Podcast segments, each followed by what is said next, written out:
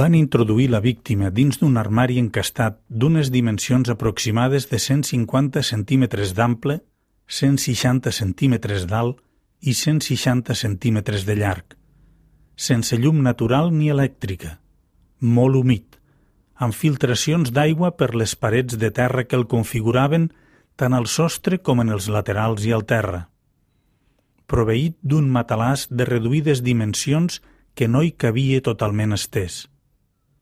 I van tancar la porta metàl·lica.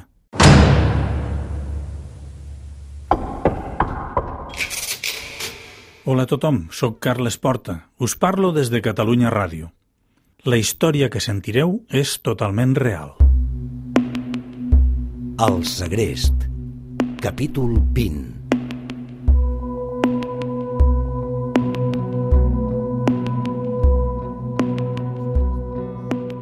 Què feien els autèntics segrestadors? Guirado i Zambrano gairebé no parlaven ni entre ells i procuraven que no se'ls veiés junts. En Pato, a Camprodon, vivia pensant que en qualsevol moment el detindrien, però qui dia passe, any empeny. En Comas Baroi s'havia autoconvençut que no havia fet res dolent i que, en tot cas, ell havia mantingut en vida aquella dona. Anava picotejant feinetes per Osona i la Garrotxa, i Ullastre va decidir l'endemà mateix de l'alliberament de la Maria Àngels que transformava el soterrani en un garatge per als seus vehicles. Ell i la seva dona, Montserrat Teixidor, van contractar paletes magrebins i una excavadora que en pocs dies va convertir el jardí en una rampa. Van eliminar i tapiar el garito i ningú no s'hi va fixar. Al cap i a la fi, tots els veïns del grup de cases adossades del carrer Pujals de Sant Pere de Torelló havien fet el mateix anys abans – Construir garatges, vull dir, ja m'heu entès, oi? Qui s'havia d'estranyar per la construcció d'una rampa d'aparcament? El garito, el zulo, el forat... Amb un cop de pala de màquina excavadora va quedar desfigurat. Ni dubtes ni preguntes. I les serps van passar a viure en una caseta a la petita part de jardí que va quedar. Arrel de l'alliberament de la Maria Àngels, alguna cosa es va moure i un bon dia d'abril passe això – Pregunte l'advocat Salelles a l'aleshores sergent de la UCO, José Miguel Hidalgo. Ustedes, en el año 94, como ha explicado, tienen constancia de una comunicación anónima en el cuartel de la Guardia Civil de Torelló, en el cual vuelve a salir el nombre del señor Guirado. No vuelve a salir, no, es la primera vez que sale con referencias a una llamada directa, es la única vez que sale. Lo otro es una, Oye, tengo un vecino aquí al lado que, bueno, le he visto una actitud un poquillo rara. No sé si tiene que ver, yo no he visto nada más. Es vecino mío, vive en el mismo bloque o al lado.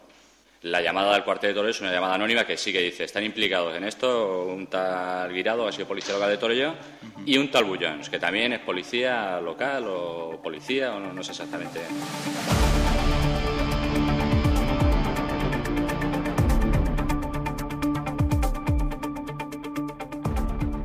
Realitat, la noia Guàrdia Civil havia apuntat Girado i no Guirado.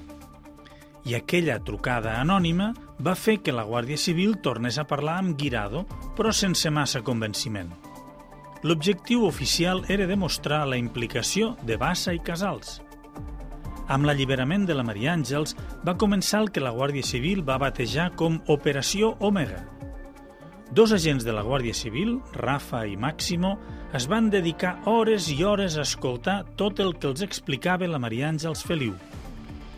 Tenia una memòria prodigiosa i recordava un disbarat de detalls, des dels dies que havia nevat o pedregat fins als sorolls que sentia, passant per les marques de les bosses dels supermercats en les que li portaven el menjar i les etiquetes dels aliments i va fer una descripció fotogràfica de la porta que va veure durant 16 mesos dins de l'amagatall.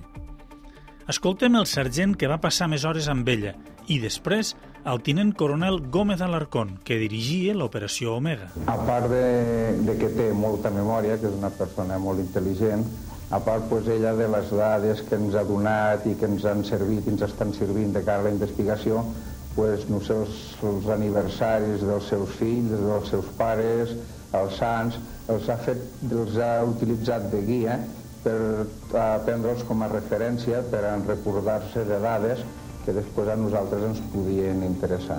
Con los datos concretos que nos daba, fuimos haciendo gestiones, pues, eh, por ejemplo, pues hablaba concretamente de unas fechas donde recordaba que había habido granizadas, pues eh, contactamos con el Instituto de Meteorología, nos dio fechas en donde se habían eh, cometido esas granizadas en esas, en esas fechas.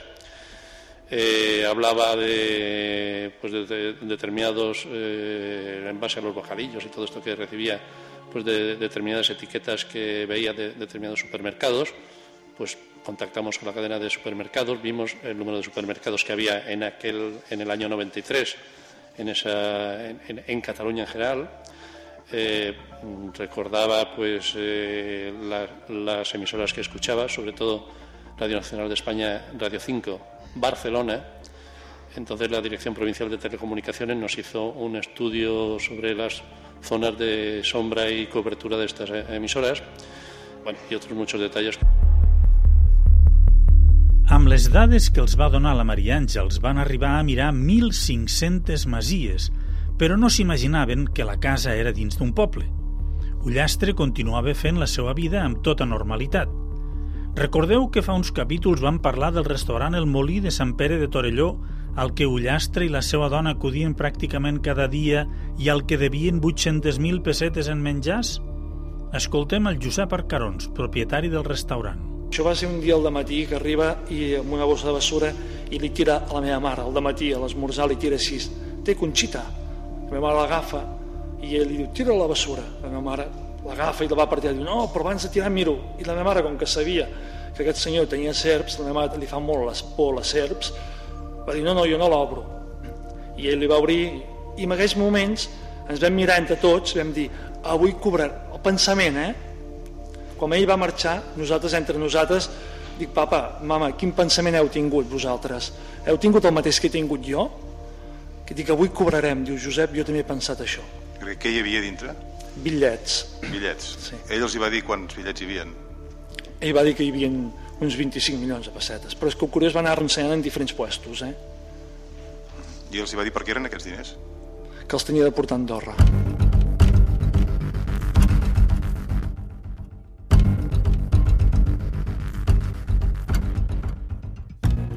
La família Arcarons no va cobrar, però d'on havia tret els diners Ramon Ullastre?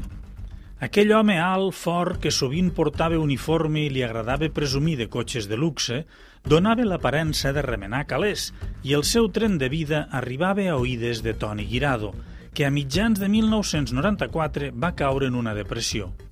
I ara ve lo bo.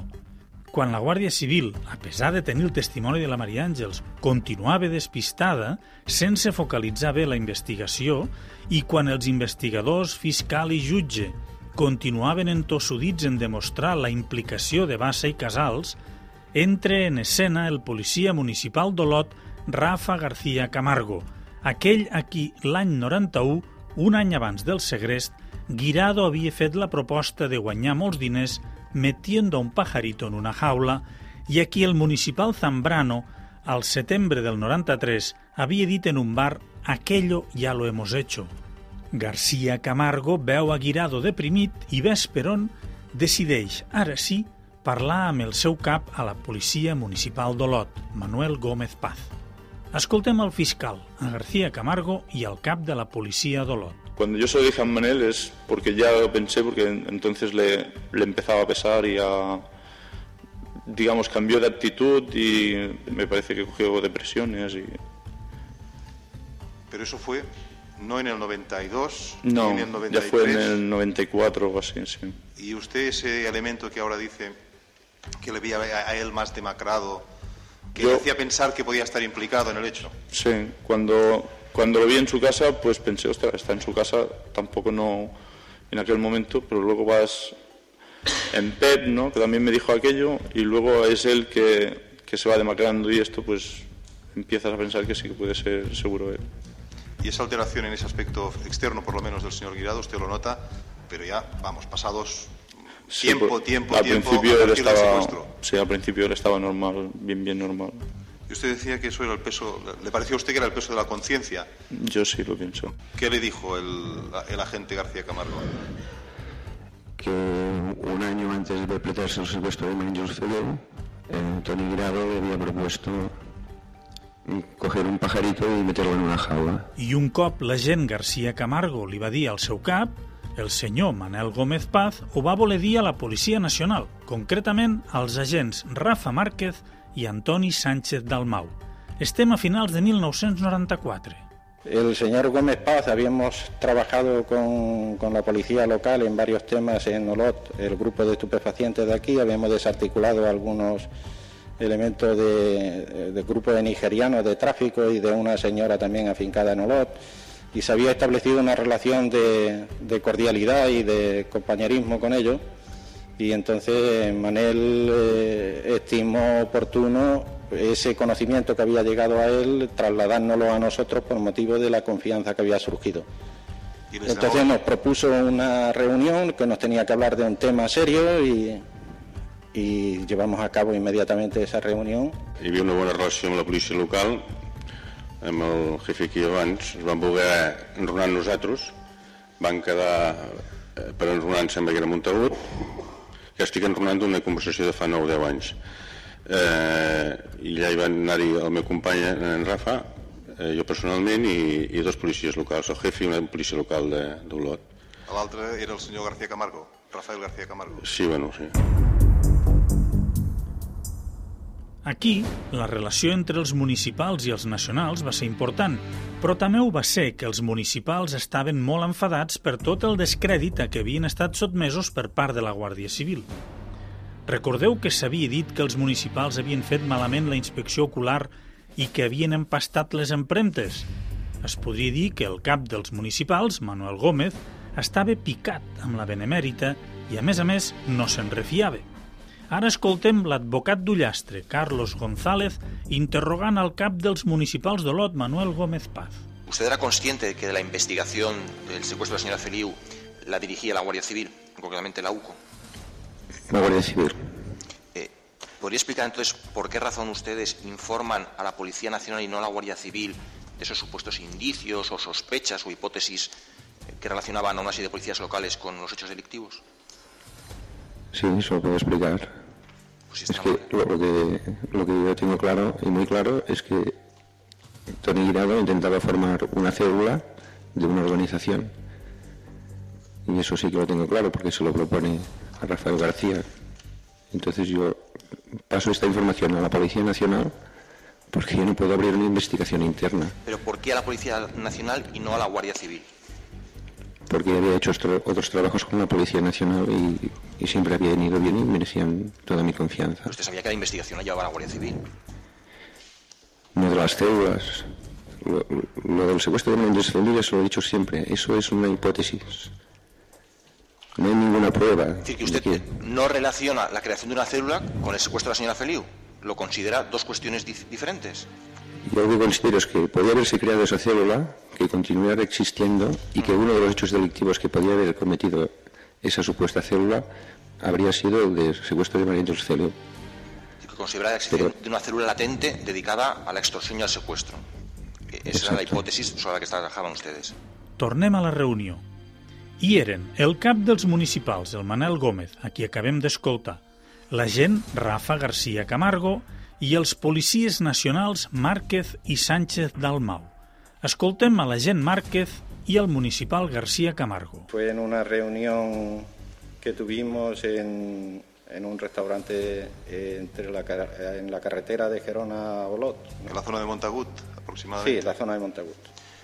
A Rafael García, por parte de Guirao, se le había hecho una propuesta de vigilar a, a una hija de un industrial que yo en mi declaración como testigo citaba como Soler cuando en realidad era Noel. Eh, y después, eh, como también de participación de Guirao en el secuestro de María Ángel Feliu, eh, sospechas que él tenía, que no, eran, no había indicios racionales para, para afirmar que hubiera sido el, eh, que, hubiera tenido esa participación, pero sí que había por lo menos indicios para iniciar una investigación sobre el tema.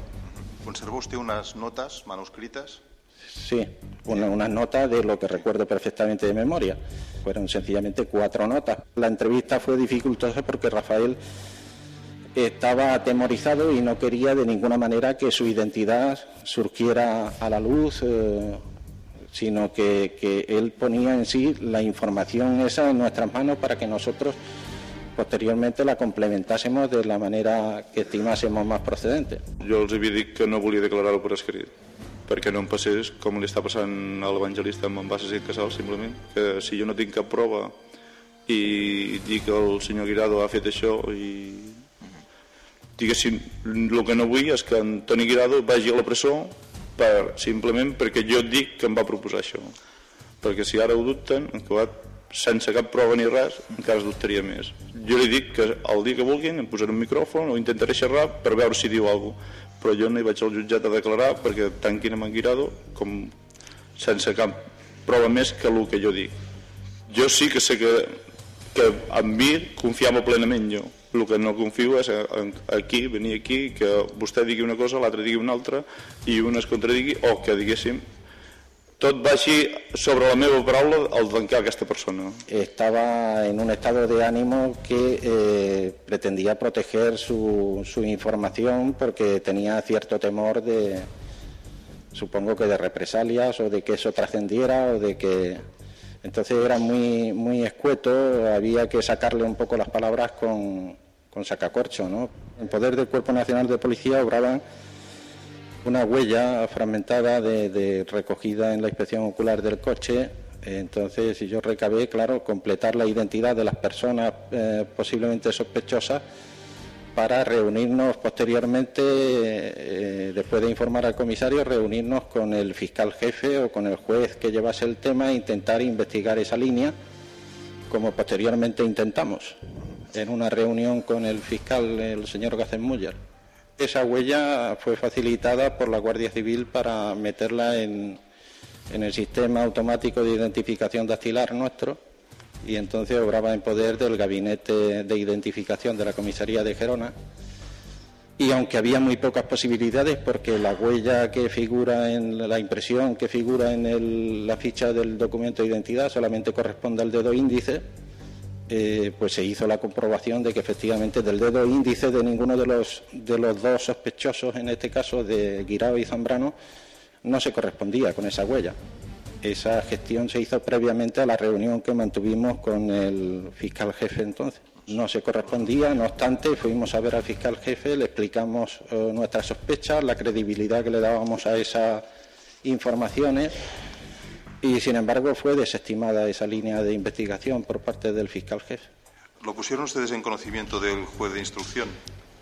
Eh, los jueces de, del juzgado de instrucción entonces habían cambiado muchísimo. Últimamente el titular de ese juzgado, cuando sucedieron esos hechos, había sido el juez Pastor, que había estado seis meses ausente por motivo de un curso judicial y estaba siendo llevado del juzgado que llevaba el tema por distintos jueces sustitutos que no conocían eh, la complejidad de toda la investigación con las informaciones de la Guardia Civil, de lo que iba haciendo, y estimamos que la persona más idónea para conocer, que conocía con mayor amplitud esa investigación, era el fiscal jefe, por eso acudimos a él. O sea que al juzgado de instrucción ustedes no comunicaron esa línea de investigación. Nuestro paso previo fue eh, proponerle al fiscal eh, que nos permitiera abrir una línea de investigación eh, con esos datos que teníamos. Lo que ocurre que al encontrarnos con la respuesta de que descartaba de que esa línea ya había sido concretamente guiada, había sido investigado por la Guardia Civil y había sido descartado, y el convencimiento que tenía el fiscal jefe entonces de que los verdaderos autores de esos hechos ya se encontraban en prisión bajo un auto de procesamiento por asesinato y secuestro, pues descartó totalmente esa posibilidad y no tuvimos otra opción que comunicarle el resultado al comisario jefe y, y descartar la línea de investigación. Costa de creure, oi? Però situem-nos al moment en què passava això, a finals del 94 o principis del 95. El fiscal Garsen Müller, la Guàrdia Civil i el jutge havien fet creure tothom, i ells s'ho creien, que els segrestadors eren Bassa i Casals, que havien estat més de sis mesos a la presó i havien declarat al Maria Àngels oficialment morta, amb la ratificació de la sala segona de l'Audiència de Girona. La informació, no ho perdem de vista, no va passar del fiscal. Per què els agents de la Policia Nacional no ho van dir als companys de la Guàrdia Civil? Ho explica el policia Sánchez Dalmau. Anem a veure. Eh, a mi, per la meva experiència, la meva experiència, i porto aquí força amb problemes d'investigació de diferents cossos, crec que la, la solució més clara és donar posar en coneixement de, del fiscal qui entén de l'assumpte. En aquest cas, el que en tenia del d'allò era en García Muller, fiscal jefe. Vas demanar autorització al jefe, li vas dir, mira això, em va dir, sí, vés a veure vas trucar, ens va rebre i li vas donar la informació. No pas en principi perquè jo investigué, jo no vaig investigar res des d'un principi, mai. A mi no em van donar possibilitat d'investigar aquest tema. El que vaig fer va posar-hi en coneixement d'ell per si ell creia convenient que era bona la informació o no era. I després ell va decidir. Ell em va dir en principi que aquest no era el camí, perquè la Guàrdia Civil estava en una altra via que era la bona i res més, i no vaig investigar mai més res. Aquella informació va quedar descartada i les notes de Rafa Márquez van quedar tancades en un calaix durant anys i ningú va dir a la Guàrdia Civil. Un detall. El policia nacional Rafa Márquez estava casat amb la Carme Puig, cap de premsa del govern civil de Girona. Per què us dic aquest detall? De seguida ho sabrem. Recordeu-vos de les notes que va prendre el Márquez i que es van quedar en un calaix. Al març de 1995, cinc periodistes gironins vinculats al Punt Diari van publicar el llibre Estampes d'Olot, on recollien molts documents i moltes anècdotes. Un bon llibre. Susana Alzina, Fidel Valés, Ramon Esteban, Maria Àngels Pagès i Tura Soler feien en 255 pàgines la millor crònica de tot el que va envoltar el segrest i sense saber-ho ja parlaven dels verdaders segrestadors. No ho sabien ni ells, ni la Guàrdia Civil, és clar. Dedicaven un capítol a les pistes que despisten i a la pàgina 78 publicaven això que sentireu. Van canviar els noms dels protagonistes. A un quart de quatre va a la caserna de la Guàrdia Civil d'Olot Joan Sotregat Soler, que demana que el seu nom quedi en l'anonimat. Diu que abans del segrest la seva dona va veure el policia municipal Poli Pintado dins del seu cotxe particular a uns 20 metres de la farmàcia. Relata que ell fa temps que veu Poli Pintado acompanyat d'un home ros amb cavallera que va un BBB. Explica que tot això l'ha fet rumiar molt i acaba fent constar que el tal Poli és un bon veí i que no ocasiona mai problemes. Quin maricón aquest sotregat. Delata el veí i encara té la barra de fer constar que és molt bon noi. Pensa Hilario Pérez Herbada, tinent coronel de la Guàrdia Civil a Girona, que sap que el policia municipal va quedar descartat d'entre els sospitosos.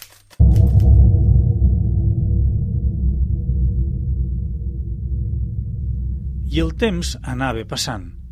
Els segrestadors feien la seva vida i la Maria Àngels, a contracor, era entrevistada de tant en tant perquè la Guàrdia Civil li deia que si sortia a la tele potser hi hauria algú que recordaria alguna cosa o es commouria i aportaria alguna informació rellevant.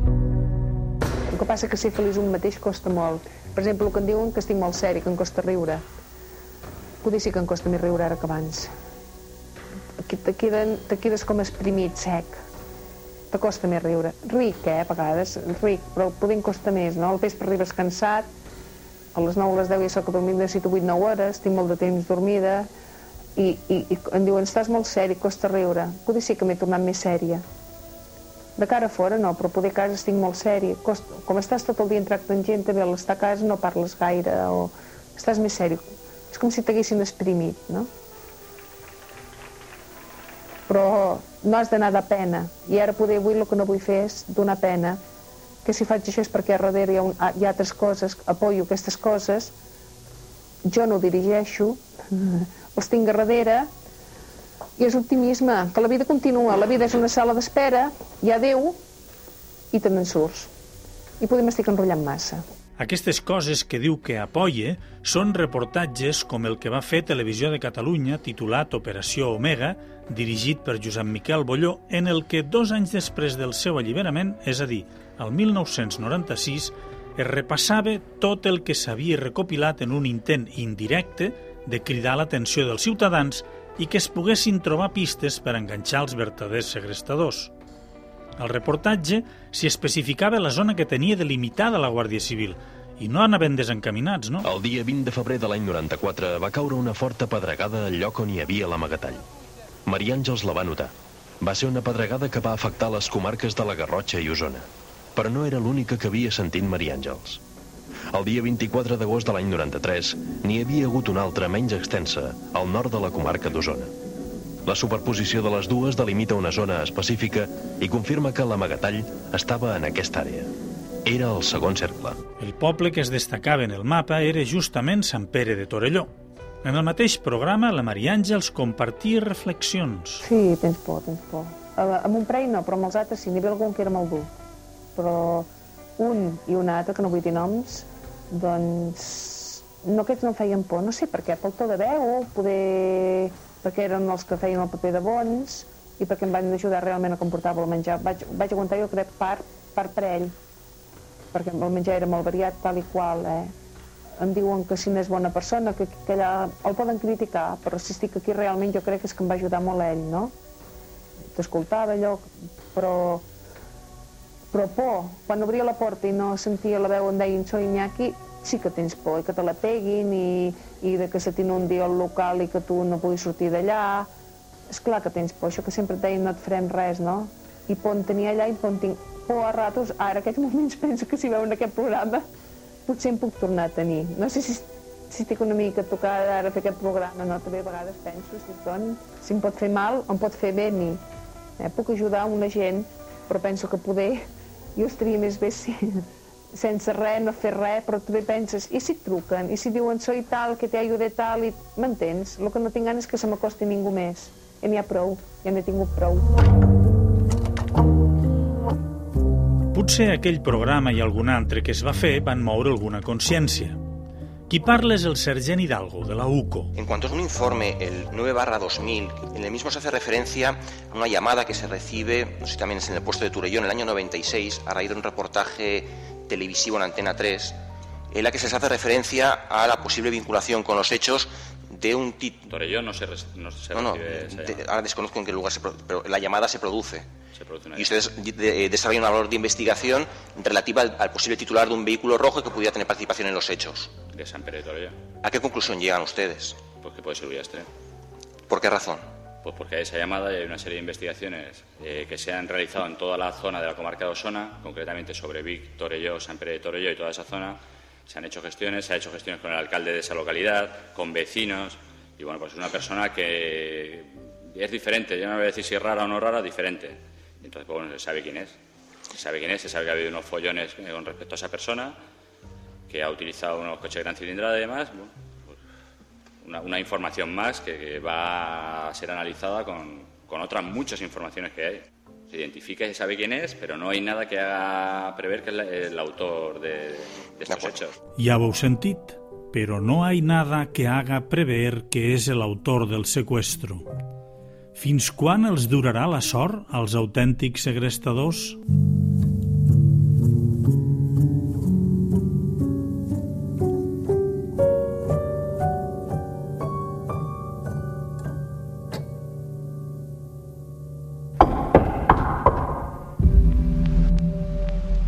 Àngels Feliu va passar un any i mig segrestada.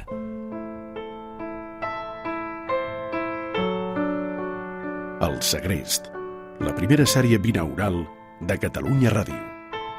Una producció de Catalunya Ràdio i True Crime Factory. I'm in here. Can anybody see me?